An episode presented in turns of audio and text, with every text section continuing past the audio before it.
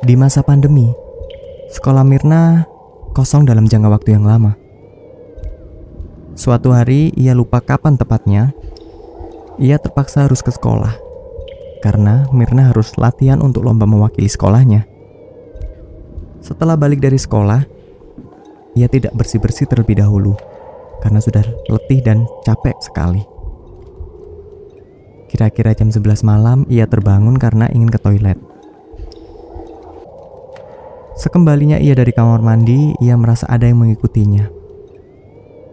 Tak lama kemudian, tepatnya di depan kamarnya, ia merasa ada yang mendorong kepalanya ke arah pintu. Ia pun langsung kaget dan ketakutan. Ia mencoba memberanikan diri untuk membuka pintu. Tapi nyatanya nyalinya ciut. Akhirnya ia numpang tidur di kamar adiknya.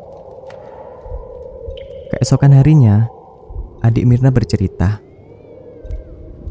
Oh iya, adik Mirna ini adalah tergolong anak indigo yang bisa melihat makhluk-makhluk gaib.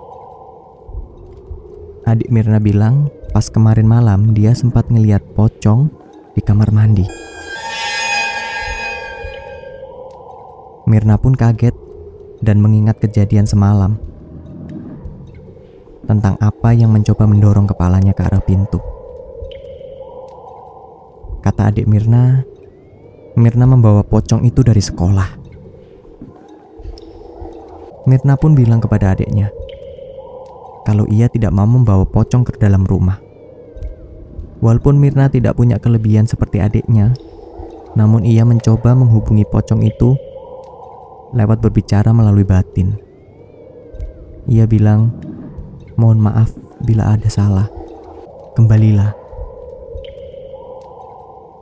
Lama setelah itu, kembali lagi kepala Mirna serasa ada yang mendorongnya. Untung saja, adik Mirna mempunyai kelebihan. Adiknya mencoba membalikkan pocong itu ke sekolah dengan caranya.